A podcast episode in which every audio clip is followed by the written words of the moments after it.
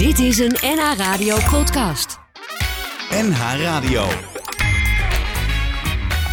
Waarheen, waarvoor? Koop Geersing. Naast mij zit Radboud Spruit. Hij was als kind bang voor de dood en hij is grafkistenmaker. Goedemorgen, Radboud, op dit vroege tijdstip. Goedemorgen. Ja, heel vroeg. Avondmensen, hè? Ja. Ja, oh, dat moet lastig zijn voor je. Des te dankbaarder dat je gekomen bent. Waar kwam die angst voor de dood vandaan? Die zat heel diep. en die had ik al als kind, dus ik weet het gewoon niet. Ik eh, kwam er later achter dat mijn moeder had het ook. Het zat gewoon heel diep. En ik was voor alles bang. Voor de dood op zich. Ik begreep het niet. Ik, was, ik ben missionaar geweest. Ik heb heel veel rouwdiensten gediend. Dus stond je als klein jongetje gewoon om eh, de kist heen. En met, met, met wijwater, met wierook. En ik zat altijd te fantaseren wat er in die kist zou liggen. Ik had nog nooit een dood iemand gezien. Het leek mij verschrikkelijk. Daar kwam het vandaan, hè? Ja. ja.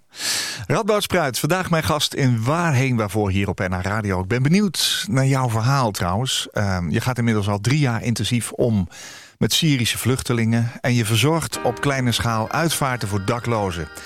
Maar het meest voel je je grafkistenmaker. Ze zijn handgemaakt, toegankelijk en milieuvriendelijk. Marvin Gaye nu, met een gospel.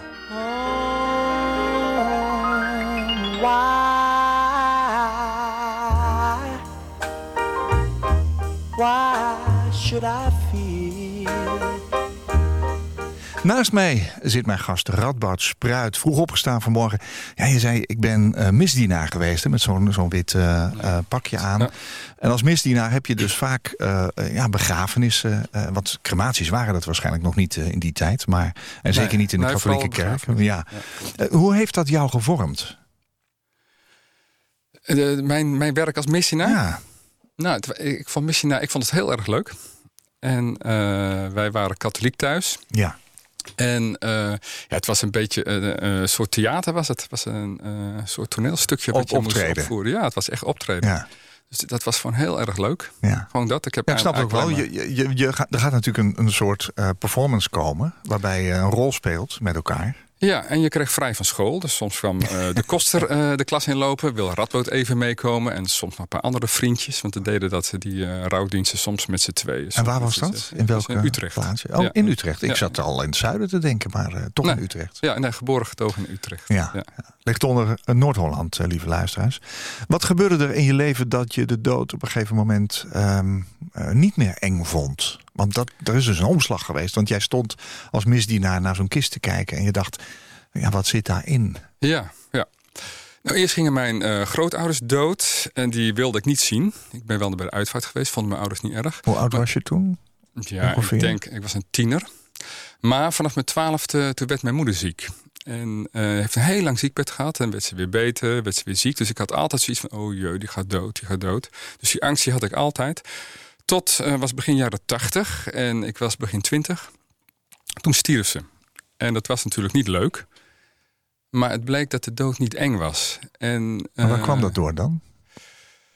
Uh, ik denk omdat we mijn moeder hebben thuis verzorgd, verpleegd ook. Uh, ze is echt thuis overleden. We zagen het aankomen. Het was een heel la langzaam ziekbed.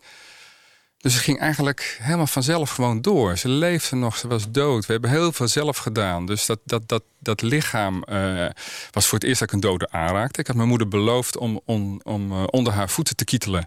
Ze was heel bang dat ze, ze zou gecremeerd worden. Dat, dat ze zeg maar, gewoon uh, ja, nog, nog half levend, zeg maar, oh ja. gewoon schijndood, ja. zeg maar, gecremeerd zou worden. Dus dat heb ik al echt... vaker gehoord, dat mensen daar bang voor zijn. Zij, was, zij was, was er bang voor. En ik heb ze echt even gekieteld onder haar voeten. Maar ook zo van, oh ja, hoe voelt dat nou? Dus het, het waren allemaal hele kleine stapjes, waardoor een lichaam... Uh, het was ook mijn moeder nog steeds natuurlijk. En, uh, het niet gek als, als, uh, als twintiger, als man... om dan je moeder daarna te verzorgen, zeg maar? Um, ja, maar dat gaat ook vanzelf eigenlijk. Als kind moesten wij al, toen mijn moeder zo ziek werd, toen moesten wij al voor haar zorgen. Dat heb je al gedaan? Ja, dus dat, dat, uh, je wist gewoon niet beter. Nee, nee. nee, dat is echt helemaal vanzelf gegaan. Ja.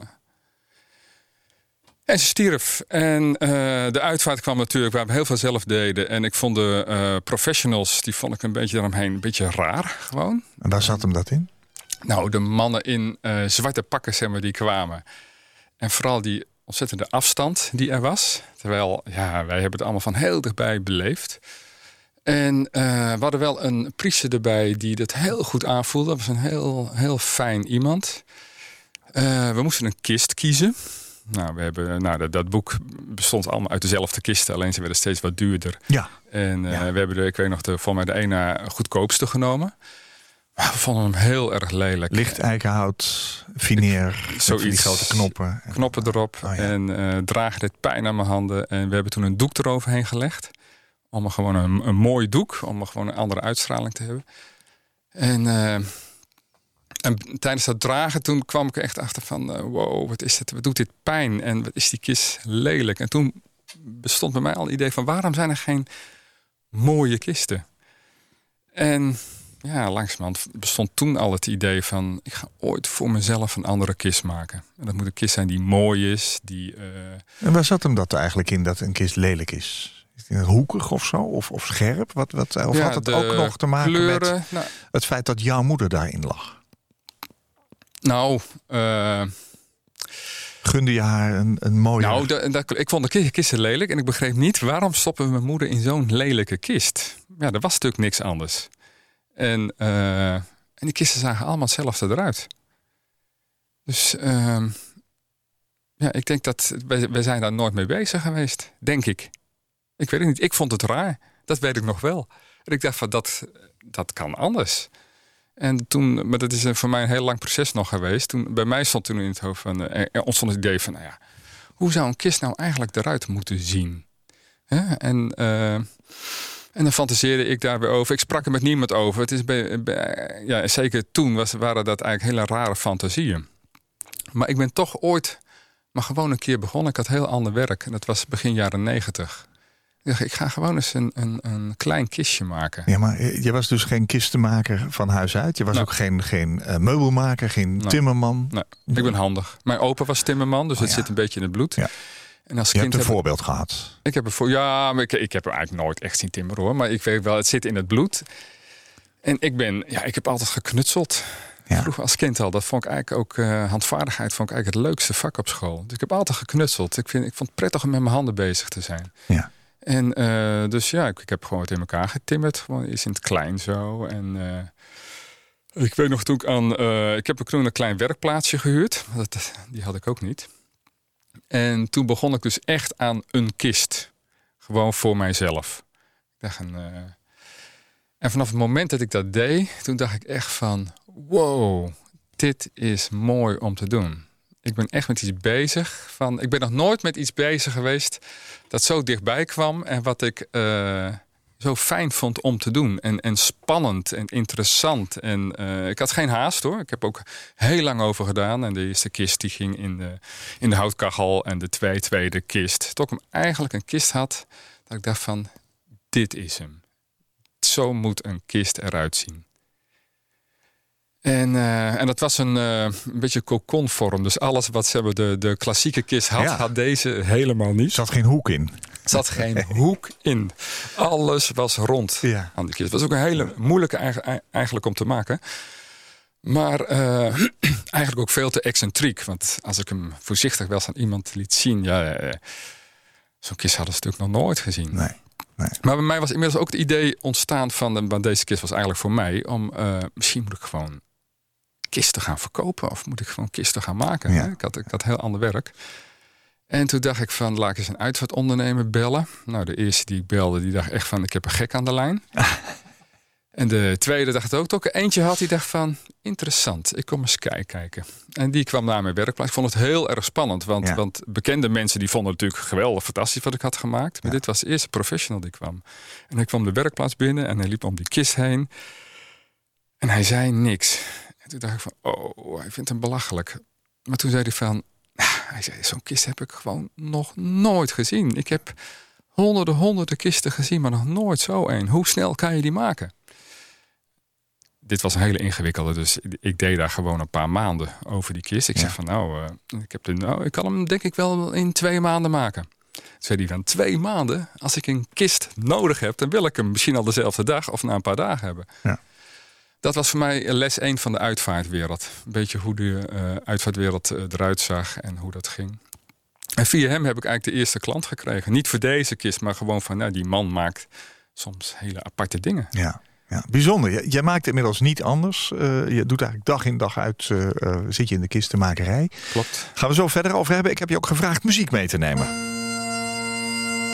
Waarheen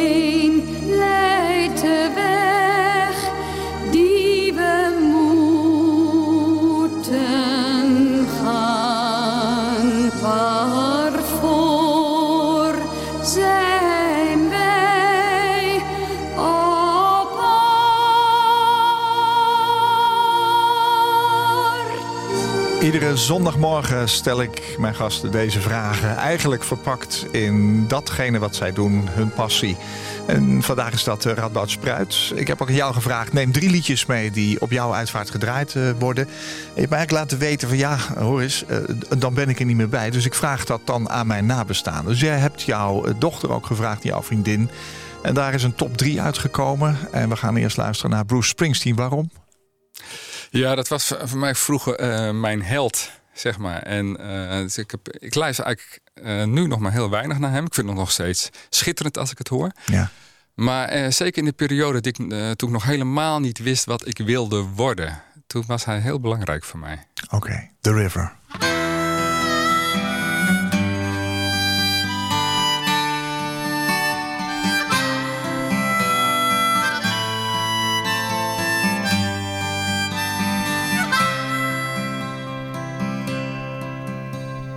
Come from down in the valley where, mister, when you're young, they bring you up to do. Like your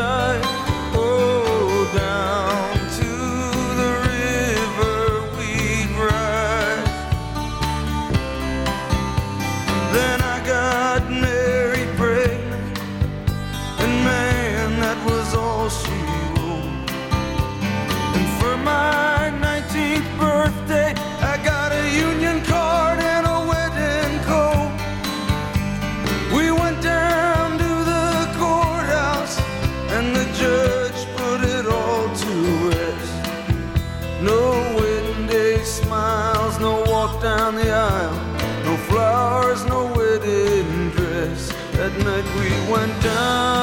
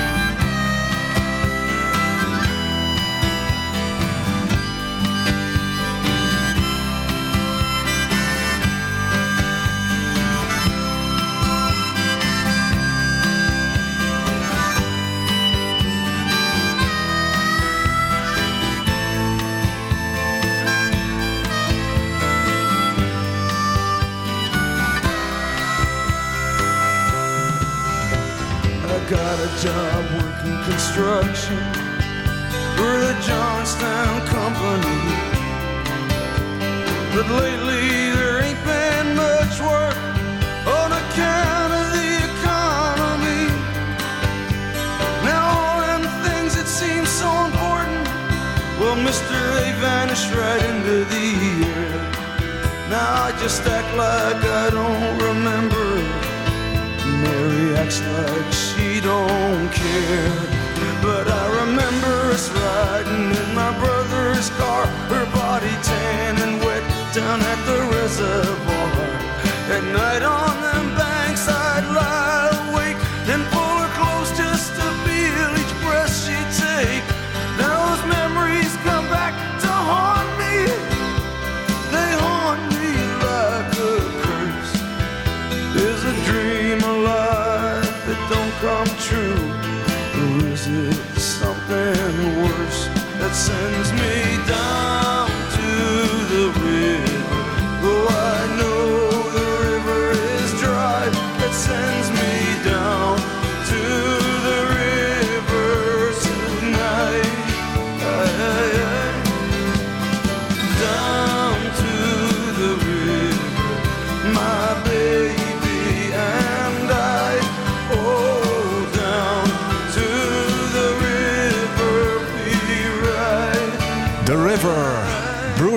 Springsteen. Voor Radboud Spruit als zijn uitvaart daar is. Ik mag eh, hopen dat het nog heel tijdje duurt. En dat hoop je volgens mij zelf ook. Heb ik wel Ik eens wil eh, heel oud begrepen. Ja, je wil heel oud worden. Je bent niet altijd kistenmaker geweest. En net eh, voor het liedje zei je ook van ja, ik wist op een gegeven moment nog niet eh, wat ik wilde doen. Wat heb je allemaal gedaan voordat je helemaal op dit werk stortte? Ik kwam van school af. Ik heb heel even bouwkunde gestudeerd. En dan ben ik snel Oh, dat, weg- dat toch wel. Nou, heel even. En, eh, maar ik vond dat helemaal niks. Eh, is nog steeds heel interessant, maar gewoon die schoolbanken was ik zo zat. En toen, maar ik wist absoluut niet wat ik wilde. En ik besloot toen maar gewoon om datgene te gaan doen wat ik leuk vond. En dat was op een hele basale manier hoor. Zo van, ik zag een film over een taxichauffeur. Ik dacht, hé, hey, dat ga ik doen. Een tijdje taxi gereden in Utrecht. Maar eh, ik werd... ben groepsleider geweest in een, heette toen nog zwakzinnige inrichting. Ook nog een tijdje in een kindertehuis. In een boekhandel gewerkt. Ik heb op de touringcar gereden. Ook door Europa, maar ook gewoon op lijndiensten. Vrachtwagenchauffeur. eh, ja, eigenlijk heel erg divers. En elke keer als ik dacht van... eh, ik deed alleen maar omdat ik eh, dacht, waar heb ik zin in? En dan... ik, autorijden vond ik bijvoorbeeld altijd leuk. Dus ik ging, nou, ga- ik ga allemaal rijbewijzen halen. Want dan kan ik op alles rijden wat er rijdt. En dat heb je ook gedaan. En dat heb ik ook gedaan. Ja. En, maar het waren wel altijd beroepen dat, wat ik heel leuk vond. Maar ik merkte ook altijd van, ja, dit is het niet. Dus als ik dat een tijdje gedaan had, dacht ik van, nee, ik moet hiermee stoppen. We- Weet je daar onrustig van? Ik, eh, Waarom- nou, hoe, ja, hoe ik- weet je, dit is het niet? Waar zit hem dat dan in? Mijn vader zei vroeger, joh, als je, hè, die werkte bij de douane en eh, die zat op kantoor, gewoon vijf dagen per week. Kwam tussen de middag met de fiets even naar huis eh, om te eten en dan ging hij weer eh, terug. Die zei altijd, joh, werken doe je om geld te verdienen en daarna doe je leuke dingen. Wa- wanneer wist jij dat bij dat rijden dat dat het toch niet was? nee.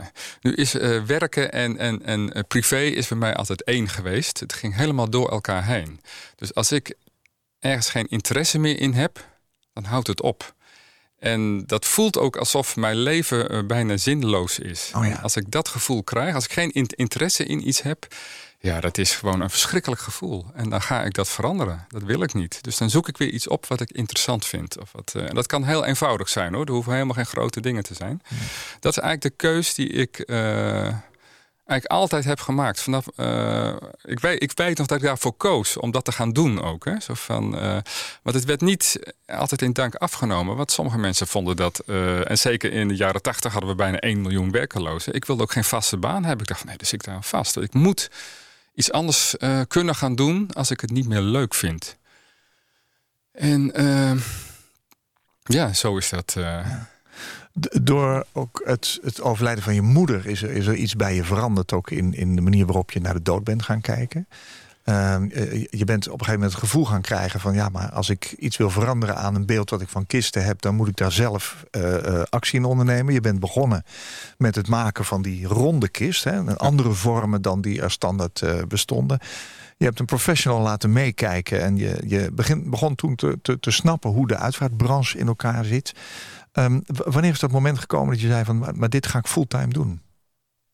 En fulltime gewoon zeven dagen per week. Nou, dat had heel erg te maken van, eh, je moet wel inkomsten krijgen. Dus ik had nog an- ander werk. Maar ik dacht echt van, nou, ik wil gewoon, eh, dit is wat ik wil gaan doen. Maar zie eerst maar eens een kist te verkopen. Hè, dus, eh, dus de eerste kist die ik verkocht, dat was zeg maar gewoon een mijlpaal. Maar ja, Was dat die ronde? Nee, dat was een andere. Nee, nee, dat was een andere. Die, die is uit, en mijn eigen kist heb ik uiteindelijk wel verkocht. En weer een nieuwe gemaakt. Die heb Ja. ik ook weer verkocht. En nu, ik vind het nu niet meer zo belangrijk hoor, in wat voor kist ik kom. Maar ehm, ik, ehm, ja, dat is heel geleidelijk gegaan. Want eh, ik maakte in het begin natuurlijk maar ja, elke drie maanden misschien een kist. Of ik verkocht er in het begin maar eh, één per, eh, ja, per, per paar maanden. Ja. Maar ik ging er helemaal voor. Dus elk, eh, als ik maar eh, Ik, ik, ik had toen ander werk ernaast. En elke keer als ik dus iets meer inkomsten kreeg uit mijn eh, kisten, ging ik dat ander werk weer verminderen. Ging minder werken. Ja. Dus op een gegeven moment was er een moment dat ik gewoon, ik had geen tijd meer voor dat andere werk. En dat is heel geleidelijk gegaan. Ik, ik had bijna geen eens in de gaten. En opeens had ik alleen nog maar kisten te maken. Ja. Zo meteen even over de, de visie waarmee jij eh, een kist maakt, in elkaar zet. Hè, en waarom die anders is dan andere. We even terug naar die drie liedjes. We hebben net The River gehoord van eh, Bruce Springsteen. We gaan luisteren naar een stuk van Forêt. Waarom? Ja, dat is, kijk, de dood is echt een thema in mijn leven. En eh, ik zeg wel tegen mensen van... niet iedereen wiens eh, moeder overlijdt wordt kistenmaker. Hè? Dan, dan zouden we heel veel kist, kistenmakers hebben. Dus ik kwam daar tijdens het kistenmaken... kwam ik daar pas achter eh, hoe diep dat thema zat. En het had te maken met een hele oude tante kwam toen bij mij... omdat ik kistenmaker was. Zei van, nou, dit kan ik wel aan Radboud vragen. Die vroeg of ik het graf van haar moeder wilde opknappen. En haar moeder, die was getrouwd, eh, was de eerste vrouw van mijn opa. Toen die vrouw overleed, is hij hertrouwd. En uit de volgende vrouw kwam mijn, mijn, mijn moeder. En eh, ik, ben, ik zeg, natuurlijk ga ik, u, eh, ga ik het graf opknappen. En dat was in Franeker. Ik ben naar haar toe gegaan. Of naar dat graf gegaan. En, en toen bleek dat er nog een naam op het graf stond. En dat was een, van, van een, een dochter van mijn opa. Ik kende dat verhaal niet. En wat bleek, mijn opa had ooit zijn dochter verloren. In 1922. Daarna zijn vrouw verloren. Ik dacht van, eh, wow, wat heeft, heeft die man veel meegemaakt. En ik heb mijn opa nooit gekend. Die was al dood voordat ik werd geboren. Ik vroeg aan mijn tante van, eh, hoe is opa daarmee omgegaan? Zei hij van, nou, hij er eigenlijk nooit meer over gesproken. Sterker nog, hij heeft aan mij geen eens verteld dat mijn moeder dood was. Mijn tante was toen heel jong toen haar moeder overleed. En ze werd uit huis geplaatst toen haar moeder ziek werd. En, eh, en kwam na de uitvaart een maand later pas weer terug. En zij ging letterlijk haar moeder zoeken. Dat waren haar vroegste herinneringen uit, haar leven. Ik ben mijn moeder kwijt. Ging haar moeder zoeken in huis. Niet gevonden. Ze is er wel uiteindelijk achtergekomen dat haar moeder was overleden. Maar dat werd ook een thema voor haar in haar leven. En, eh, en toen werd voor mij duidelijk van... oh, hé, hey, daar zit wat in die familie bij ons. Hè? Het omgaan met de dood, daar zijn wij niet zo goed in. Dat stoppen wij weg. Sindsdien ging ik jaarlijks met haar naar, naar dat graf. Was aan geweldige uitjes. Was inmiddels een hele oude vrouw, bijna 90. En altijd vroeg ze van, goh, zou ze hier nog liggen? Hoe zou ze eruit zien? Ik zeg, ja. Ik zeg, het is natuurlijk al heel lang geleden. Ik weet niet wat er nog over is. Ik zei van, eh, ja, u kunt u later wel begraven worden. Zei ze, nee, dat wil ik niet. Ik wil bij je, mijn, mijn tante heeft nooit kinderen gehad. Zegt, nee, ik wil dicht bij jullie in Utrecht begraven, begraven worden. Niet helemaal in Franeker. Ik beloofde dat we één keer per jaar langs zouden komen, maar dat vond ze niet genoeg. Ik zei, oké. Toen zat ze een keer bij mij in de auto en ik had inmiddels een plan. Want die moeder voor haar was zo belangrijk. En toen zat ze bij mij in de auto. Ik zeg, tante Jo, zo heette ze. Ik heb een idee. De volgende keer als wij naar Franeker gaan, dan gaan wij uw moeder opgraven.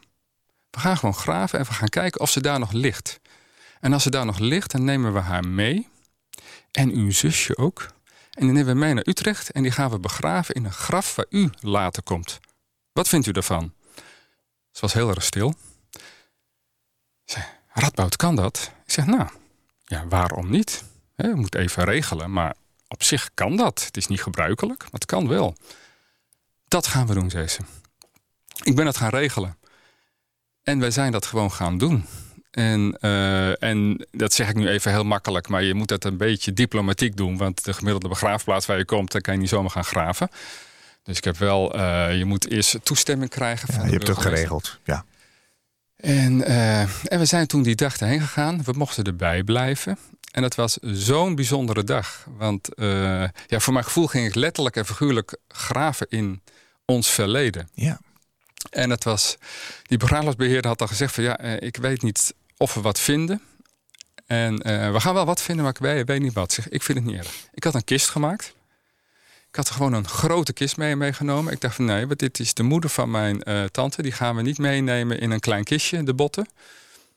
Die gaan we in een grote kist meenemen. En, en daarna krijgt ze een echte uitvaart. We vonden de kist. De begraafplaatsbeheerder was zelfs helemaal verbaasd. Een oude eikenhouten kist. Die was Die nog... Was nog, intact. intact, En was wel vermolmd hout en zo. Maar echt, je moest die planken Ja. opentrekken. En daar lag gewoon een geraamte in. Ja. En, we hebben, en de botten liggen dan los. Maar het was zo indrukwekkend. En mijn tante stond er gewoon bij. Ja. We Haar hebben mijn-. Haar moeder. Ja. We hebben de kist ernaast gezet. Begraafplaatsbeheerder stond in het graf en gaf bot voor bot ons haar moeder aan. En we hebben haar weer opgebouwd in die kist. En mijn tante was zo trots dat ze met soms een onderbeen, soms met een arm van haar moeder liep en in de kist legde. En het was, ja, dat was echt. eh, het klinkt misschien, eh, als je dat zo, zo vertelt, misschien denken mensen van hé, hey, wat luguber. Dat was het totaal niet.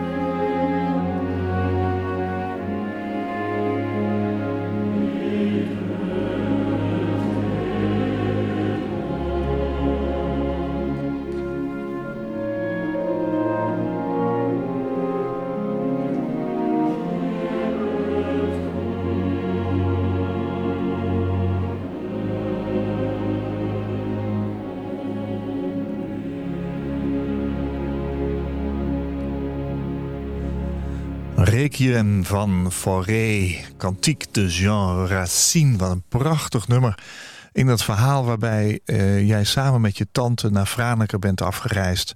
Om eigenlijk, als je het kort samenvat, eh, haar moeder weer terug te geven aan haar. Heeft ze het zo ervaren? Ja, zo heeft ze het absoluut ervaren. En eh, ik vond het heel spannend om te doen, want ik wist niet wat er bij haar los zou komen. Het is natuurlijk niet niks. Het was een thema in haar leven. En, eh, maar ze noemde het echt van... eh eh, ze is echt zo'n radboud. De kring is nu rond. De kring is rond. Ja. Ze heeft ook een echte uitvaart gekregen. Hè. We hebben haar gewoon meegenomen. Ja. En, ik heb haar meegenomen naar mijn werkplaats. De, In, in je eigen bus? in mijn eigen bus gewoon ach- achterin. Geen, En, geen eh, statieauto, geen Niks. zwarte gewoon- Mercedes. Ja, nee, gewoon in een bestelbus. Ja. Meegenomen naar de werkplaats. Daar heeft ze nog een week gestaan. En toen hebben we de begraafplaats wist... In Utrecht wist dat we een uitvaart zouden gaan doen. Echt een echte uitvaart. Met, met, met een priester, met wierook. Een katholieke en met uitvaart. Een katholieke Ja. uitvaart. Ja. En op een mooie dag toen eh, hadden we die gepland. En toen, eh, toen zijn we weer met haar moeder. En ik heb ook namelijk ook nog een hele oude rouwauto, Mercedes. Mercedes hebben we haar eh, als een, echt gewoon weer eh, herbegraven. En dit was voor het eerst dat mijn tante dus bij de uitvaart van haar moeder, moeder was. En dat was een fantastische uitvaart. En dit nummer van net, dat, dat hebben we toen, toen gedraaid. En dat hoort er zo erg bij. Ja. Inmiddels is mijn tante overleden. Ze heeft nog zeven jaar geleefd. Oh ja? Eh, en die uitvaart hebben we eh, zelf gedaan, met, met neven en zo. Wat, en wat dus, bedoel je met zelf gedaan? eh, we hadden geen uitvaartondernemer. We hebben eigenlijk, het werd bij, geen, geen kopie, maar ze had zelf helemaal uitgelegd hoe de uitvaart moest zijn. Gewoon, het, zelfs op haar sterfbed, eh, daar kwam ik weer. Ik was een beetje de uitvaartondernemer, zeg Ja. maar. Maar ik ben vertrouwd mee, met, met de dood. Dus zelfs nog eh, de, op de laatste momenten, echt... Ze kon nog maar net praten, werd er toch nog iets veranderd.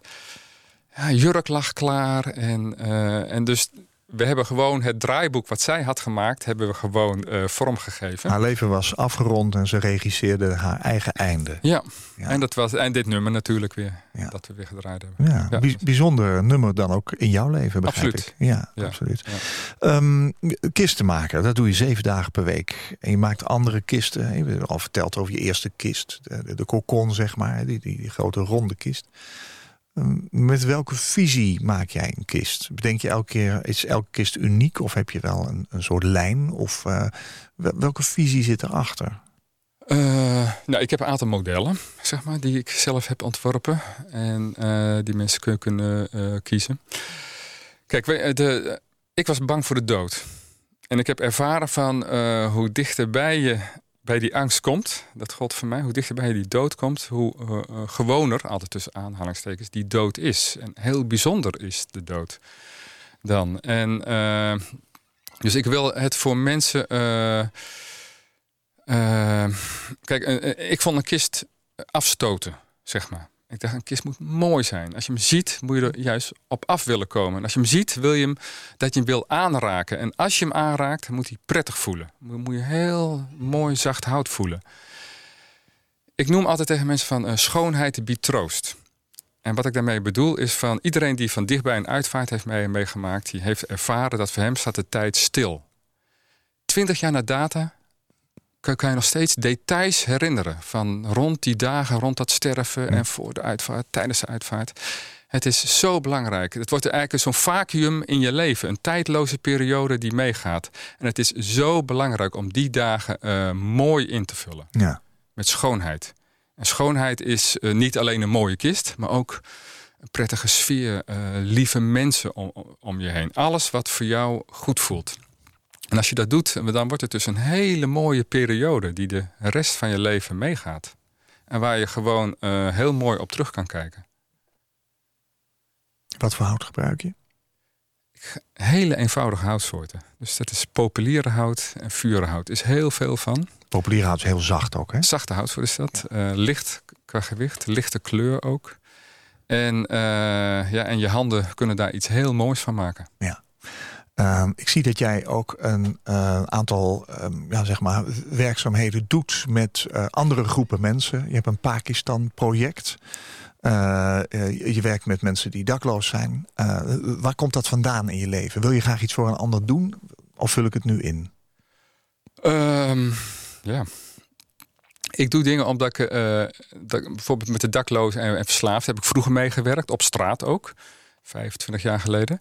En in begeleid wonen projecten. Het waren nieuwe projecten die we met een groep hebben opgezet in Utrecht.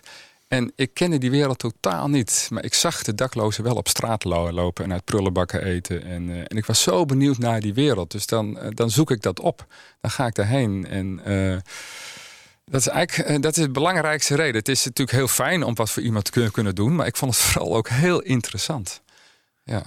En geldt het ook voor samenwerking met mensen in Pakistan? Ja, dat, dat, zijn, dat is eigenlijk een. eh, eh, ook een verslaafde project. Dat, dat, ik heb jaren dus mee, met, met die daklozen gewerkt en verslaafden. En, eh, en ik, ik hou ook van een beetje avontuur. En, en ik dacht was, oh, wat zou toch mooi zijn als ergens in de wereld mensen beter kunnen worden van iets wat ik heb verzonnen. Ja. Dat lijkt, lijkt me zo'n leuk idee. Ja. En een vriendin van mij die, was, die werkte internationaal met verslaafden. En die, die, die, die eh, bracht me in contact met dit project. Ja, dus eerst een beetje contact maken zo. En toen eh, bleek ze echt geïnteresseerd zitten zijn om dingen voor mij te maken. Ik heb allemaal filmpjes gemaakt hoe, hoe ze dat moesten doen. En dat allemaal eh, opgestuurd naar En hen. wat maken ze? Ze hebben kisten gemaakt. Maar eh, het is nu voornamelijk alleen nog maar eh, vlinders. Het zijn vlindersluitingen.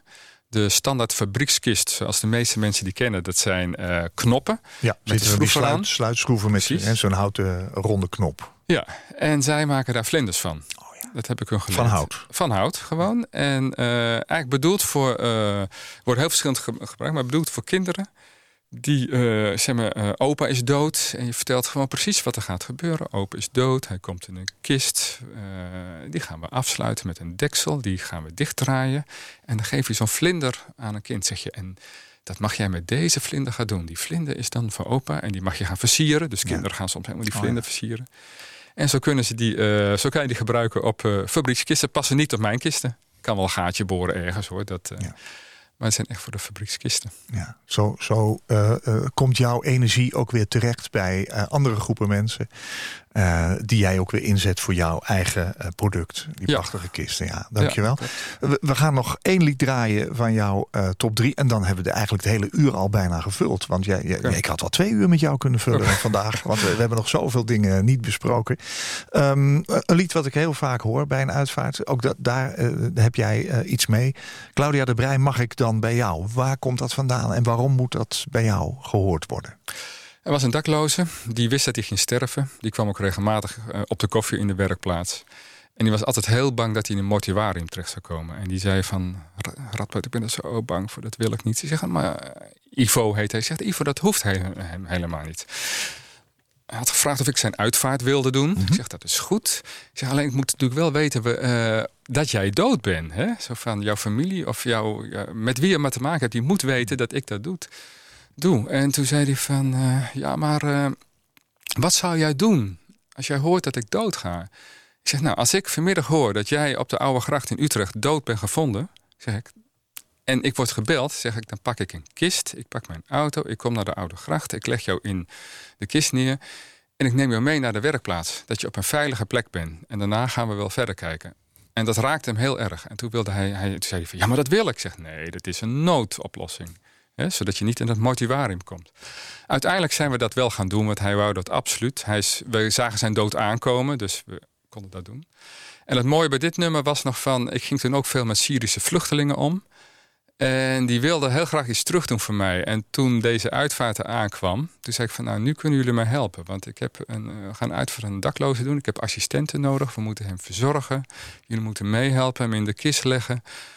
Ik heb assistenten nodig tijdens de uitvaart. En dat hebben die Syrische vluchtelingen gedaan. En hij wist ook, Ivo, de dakloze, wist dat die Syrische mensen hem zouden gaan helpen tijdens de uitvaart. Dus alles kwam een beetje samen. En dit, was, dit nummer van Claudia de Brij was echt zijn uitvaartnummer. En dus als ik dit nummer nu elke keer hoor, dan moet ik aan, uh, aan, aan de periode dat hij in mijn werkplaats lag. Dat was heel mooi. Ik heb gewoon doorgewerkt hoor. Zo van, uh, dat, dat wilde hij ook. En uh, ja, en met, met die Syriërs die hielpen. Dus het zijn, ja, het is gewoon, het zijn hele mooie herinneringen.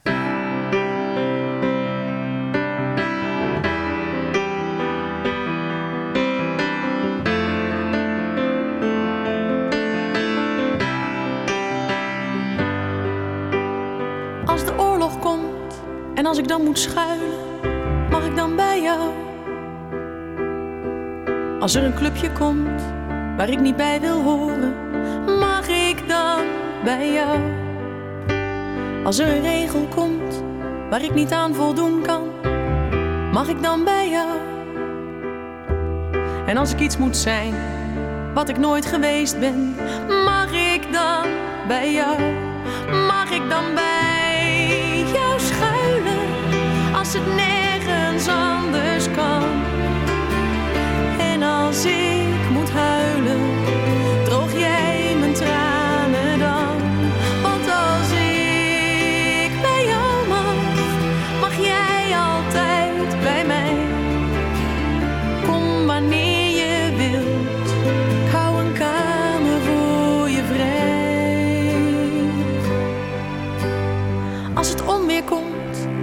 als ik dan bang ben, mag ik dan bij jou? Als de avond valt en het is mij te donker, mag ik dan bij jou? Als de lente komt en als ik dan verliefd ben, mag ik dan bij jou? Als de liefde komt en ik weet het zeker, mag ik dan bij jou?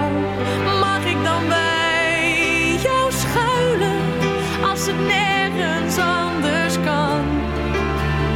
En als ik moet huilen, droog jij mijn tranen dan. Want als ik bij jou mag, mag jij altijd bij mij. Kom wanneer je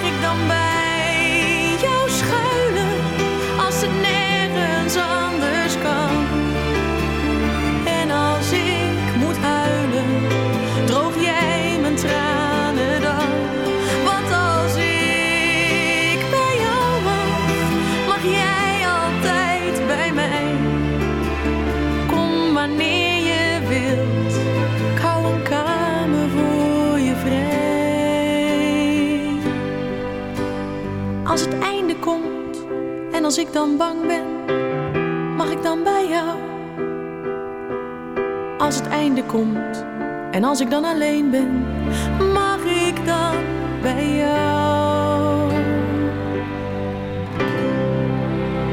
Blijft ook een heel mooi liedje. 23 september vandaag. En ik begrijp dat het twee jaar geleden op de kop af is dat zijn uitvaart was. Ja, klopt. Vandaag twee jaar geleden. Jouw Ja. dochter is jarig vandaag. Mijn dochter vandaag Van harte gefeliciteerd. Hoe oud wordt ze? Dat weet ik dan altijd 21 niet. is ze 21. Oh, dat is ook nog wel een eh, bijzondere Ja, ja, ja, leeftijd. En wie is nog meer jarig vandaag? Ja, Springsteen, het De nummer van Ja. eh, ja. Kan het allemaal? Ja, ja. En het begin van de, van de meteorologische herfst. Dus eh, we hebben wel iets met het getal 23. Wat een ontzettend mooi verhaal, Radboud Spruit. Kisten maken. Jij hebt vanuit je visie, eh, ben je begonnen met, met het maken van kisten. Je hebt je tante eh, haar moeder teruggegeven. Je hebt eh, eh, een, een dakloze een prachtige, eervolle uitvaart gegeven. In welke kist lag hij? In de Petronella.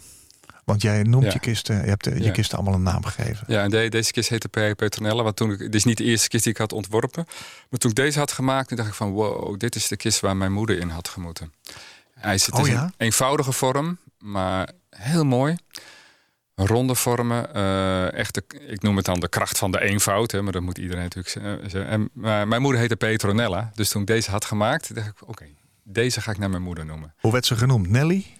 Ja, Ja, mijn oma heette namelijk ook. Petronella. Ja, ja Nelly. klopt. Ja. Ja. dat is jouw moeder. Ja.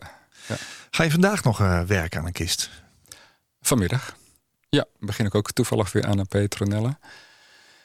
En eh, op zondag werk ik eigenlijk altijd eh, ehm, nooit de ochtend.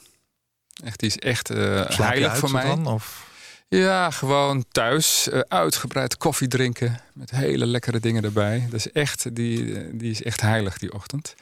En smiddags dan, uh, ik hou heel veel van mijn werk, hè, dus ik ga echt met heel veel plezier weer naar de werkplaats. Je kijkt er naar uit bijna, hè? Ja, elke Ja. dag weer. Nog nooit met tegenzin echt naar mijn werkplaats gaan. Echt, dat, dat ken ik niet. Je bent dus eigenlijk een gezegend mens. Ja. zou je kunnen zeggen. Ja, ja. Blijf je dit doen, denk je? Eh, zit wel heel diep in me, maar dat, ja, dat, dat weet ik gewoon niet. Ja, Ik kan me niet voorstellen van niet, maar dat weet ik niet. Als die zondagmorgen voor jou zo heilig is, dan eh, dank ik je nog meer dat je toch naar de studio gekomen bent van NH Radio. Fijn dat je je verhaal verteld hebt. En ehm, ik wens je alle goeds. Dankjewel. Jij ook. Bedankt voor de uitnodiging. Heel graag gedaan. Radboud Spruit. Koop Geersing. Als jij een keer te gast wilt zijn in Waarheen Waarvoor om te vertellen over jouw levensreis, laat me dat dan weten via waarheenwaarvoor.nhradio.nl. Waarheenwaarvoor.nhradio.nl. Dit was een NH Radio podcast. Voor meer, ga naar nhradio.nl. Radio.